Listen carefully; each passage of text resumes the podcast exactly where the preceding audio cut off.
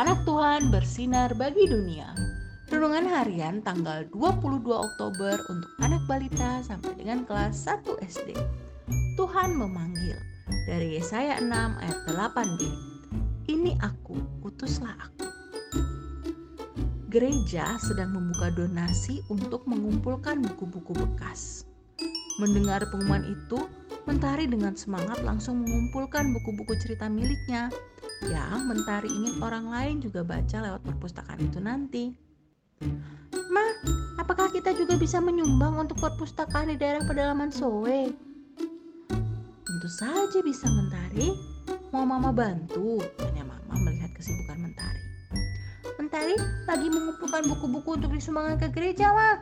Mentari ingat kebaikan Kabulan yang udah bantu Mentari mengerjakan PR kemarin. Mentari jadi pengen berbuat baik juga untuk orang lain. Mentari menceritakan pengalamannya. Tuhan Yesus sudah memberikan banyak hal baik kepada adik-adik. Seperti Mentari, adik-adik juga bisa berbagi kebaikan yang Tuhan Yesus sudah berikan.